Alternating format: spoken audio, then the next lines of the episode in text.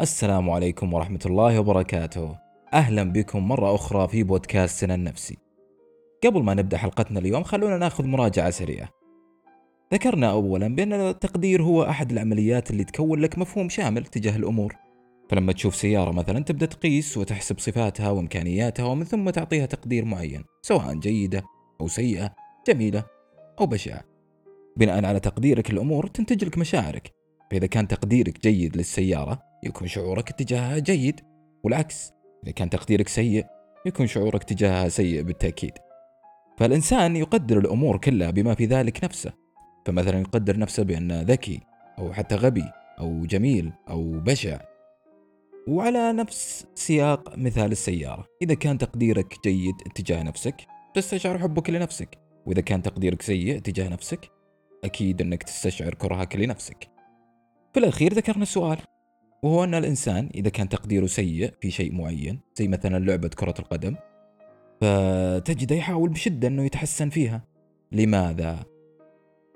الجواب هو قيمة الذات إيش هي قيمة الذات؟ قيمة الذات هي أهمية الإنسان اتجاه ذاته وحقه بأنه يتحصل على مصالحه وأن يبتعد عن مضاره نفس الشيء لما يكون عندك إنسان قيم بالنسبة لك زي مثلا أبوك أو أمك.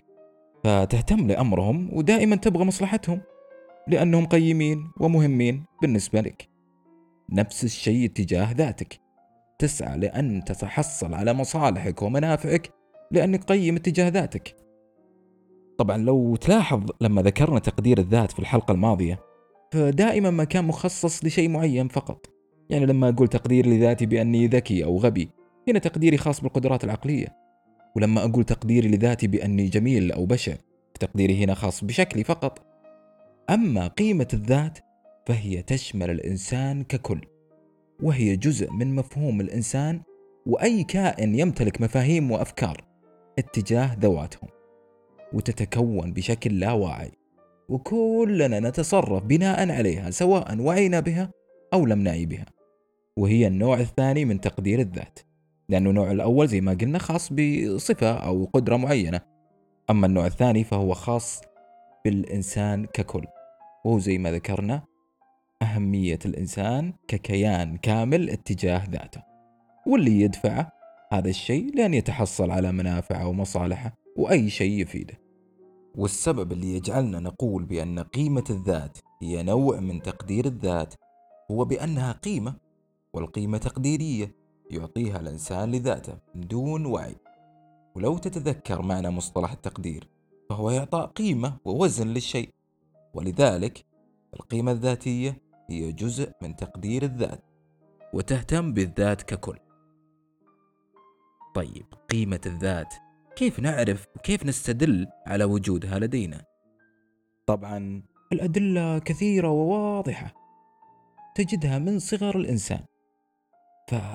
فلما تشوف الطفل الصغير تجده يريد الغذاء آه، يخاف على نفسه يريد الحصول على الألعاب يحاول يبهر أبوه وأمه بحركاته آه، تشوفه يتضارب مع اللي في عمره عشان لعبة أو حلوة. هذه الأمور تدلنا على أنه مهم وقيم اتجاه ذاته وهذه الأمور تحقق له هذه القيمة.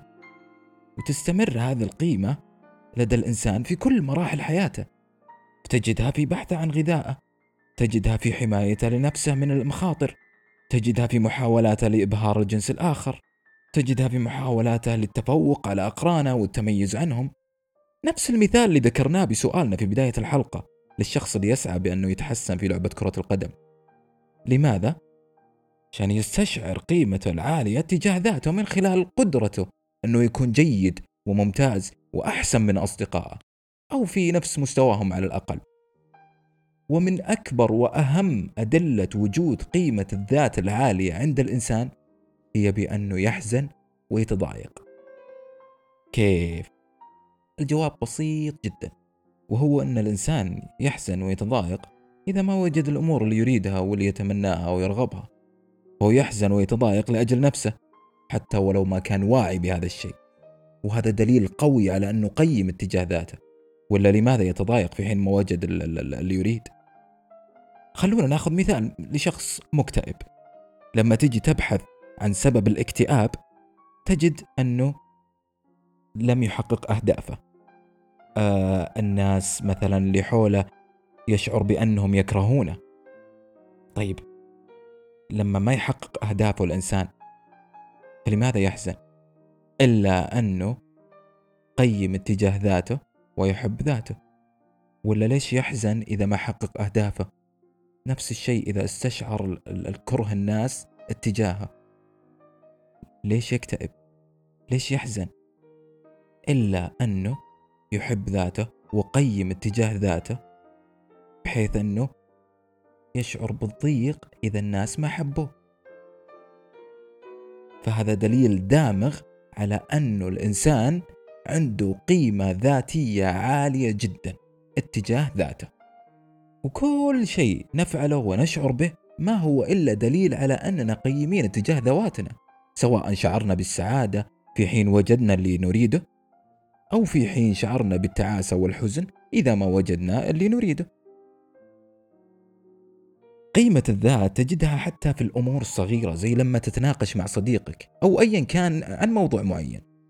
تجد نفسك أحيانا تصر وتستميت على رأيك حتى ولو أن الموضوع ما هو مهم أساسا بالنسبة لك؟ زي مثلا لما تكون تشجع فريق معين وصديقك يشجع الفريق المنافس تجد نفسك تتناقش معه بحدة وممكن توصل للمضاربة عشان فريق كرة قدم. ليش؟ لأنه الفريق اللي تشجعه يمثلك أنت فانتصاره هو انتصارك أنت وهزيمته هي هزيمتك أنت. وبما أنك قيم اتجاه ذاتك فلا بد أنك تدافع عن نفسك عن طريق هذا الفريق اللي يمثلك وأنت ما أنت واعي بالسبب. فطبعا قيمة الذات ترتبط بالأمور اللي تحبها زي مثلا أبوك وأمك وأخوانك وأهلك وأصدقائك أو في أشياء معينة زي فريقك سيارتك بيتك ملابسك أو وطنك. هذه الأمور ترتبط بك أنت بشكل لا واعي فتصير تمثلك أنت شخصيا. فلو شفت مثلا أخوك في مشكلة معينة فممكن تحاول تساعده بأي طريقة. لماذا؟ لأنه أخوك ولو ما كان هذا الشخص أخوك أنت فغالبا ما راح تساعده. فالسبب اللي يخليك تساعد أخوك هو عشانه مرتبط فيك أنت. فتشوف كيف قيمة الذات عندك تخليك حتى تساعد الناس اللي أنت تحبهم وتدافع عن كل شيء مرتبط فيك أنت. وكل هذا هو عشان نفسك أنت في الأخير وأنت قد تكون غير واعي بهذا الشيء. بس لأنه قيمة الذات عندك تدفعك أنك تفعل كل هذا وأنت ممكن ما تدري. طبعا الإنسان يربط قيمته لذاته في الأمور اللي يريد ويفتكها من الأمور اللي يريد أيضا. فيعني على سبيل المثال ترى شخص يربط قيمته في الجاه والسيارات الفارهة وما يرضى إلا بها. لكن تجد شخص ثاني سيارته عادية جدا وحياته بسيطة حتى ولو كان غني جدا ويمكن أغنى من الشخص الأول. والسبب أنه الأول يرى بأن هذه الأمور تحقق قيمته الذاتية العالية تجاه ذاته. لكن الثاني ما يرى بأن هذه الأمور تجعله أكثر قيمة. أو كمثال ثاني تجد شخص يحاول ويسعى طوال عمره عشان يصل لمناصب عالية جدا لأنه يرى بأن هذه المناصب تجعله ذو قيمة عالية. لكن شخص آخر تجده راضي بوظيفة عادية تدر عليه اللي يحتاجه من المال ويجد قيمته بأنه يكون مثلا مع عائلته وينبسط معهم. فحسب ما تربط قيمتك أنت بأي شيء تجد نفسك تبحث عن هذا الشيء وتسعى له سواء الممتلكات والمال أو في الحياة البسيطة والهادئة. أنت اللي تقرر سواء بوعي منك أو بدون وعي. فقيمة الذات هي اللي تخليك تحاول تكون إنسان جيد. هي اللي تخليك تدرس وتجتهد. هي اللي تخليك تحاول أن تجد أفضل وظائف. هي اللي تخليك تحرص على أن تكون لك مكانة اجتماعية. هي اللي تخليك تحاول تتميز وتتحسن وتكون إنسان أفضل دائما. وهي اللي تخليك تكون إنسان متواضع وذو أخلاق عالية. ولكن في المقابل ممكن تخليك تغالط وتعاكس المجتمع. يعني تجد كثير من الناس مثلا يحاول يفرض قوته وجبروته على الضعاف. ليش؟ عشان يستشعر قيمته من خلالهم فقيمة الذات العالية مو دائما تدفعك للأمور الجيدة. ممكن تدفعك للتكبر وممكن تدفعك للحسد وممكن تدفعك للتخريب ومن هذا القبيل. لكن الأكيد أن قيمتك لذاتك هي اللي دائما ما تدفعك للخير أو الشر. حسب تقديرك أنت للأشياء اللي تحقق لك هذه القيمة. فإذا كنت ترى بأن تحقيق قيمتك بالخير تفعل الخير. وإذا كنت ترى بأن تحقيق قيمتك بالشر تفعل الشر. طيب نصل الآن لفوائد ما ذكرنا. أول فائدة أن كل إنسان يمتلك قيمة لذاته تدفعه على الدوام سواء رأيته يهتم بنفسه أو العكس. فما في إنسان ما يمتلك هذه القيمة. والدليل أنه يلبي حاجاته ويسعد ويحزن ويتضايق ويقلق لأجل نفسه أو لأجل أي شيء مرتبط فيه زي مثلا أهله أو أصدقائه.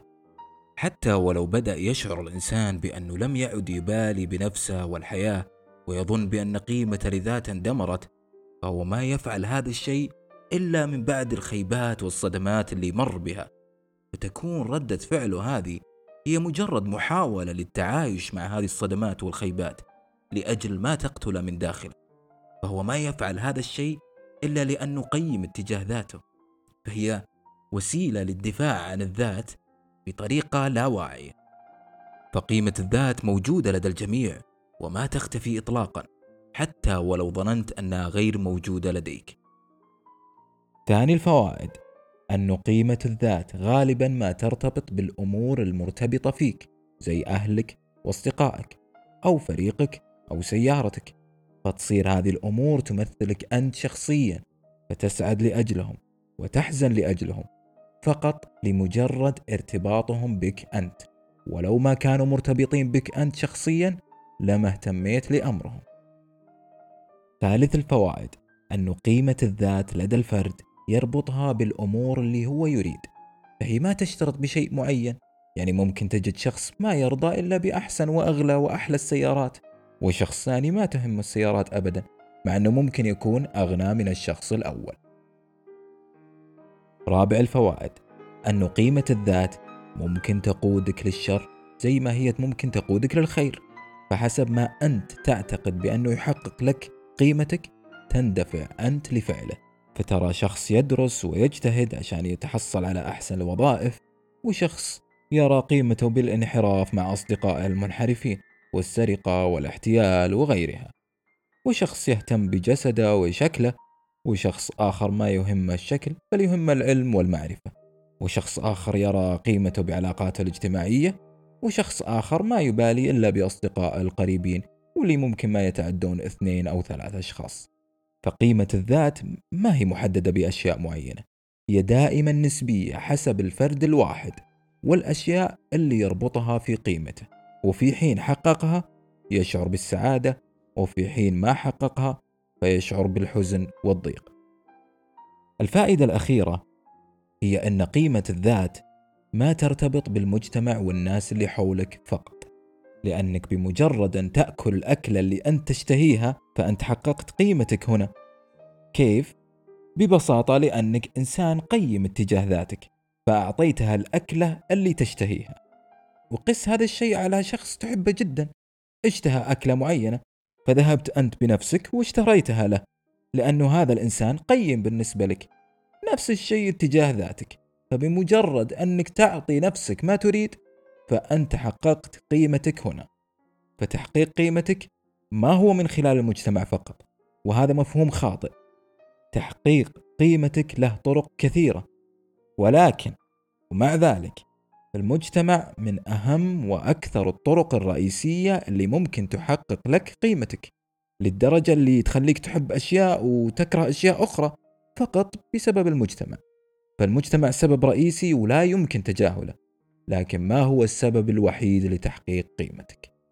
أتمنى أني وفقت بطرحي المختصر وفي حال كنت حاب تفاصيل أكثر عن تقدير الذات وقيمة الذات فتجدها في كتابي تساؤلات نفسية. يعطيكم العافية وشكرا لاستماعكم.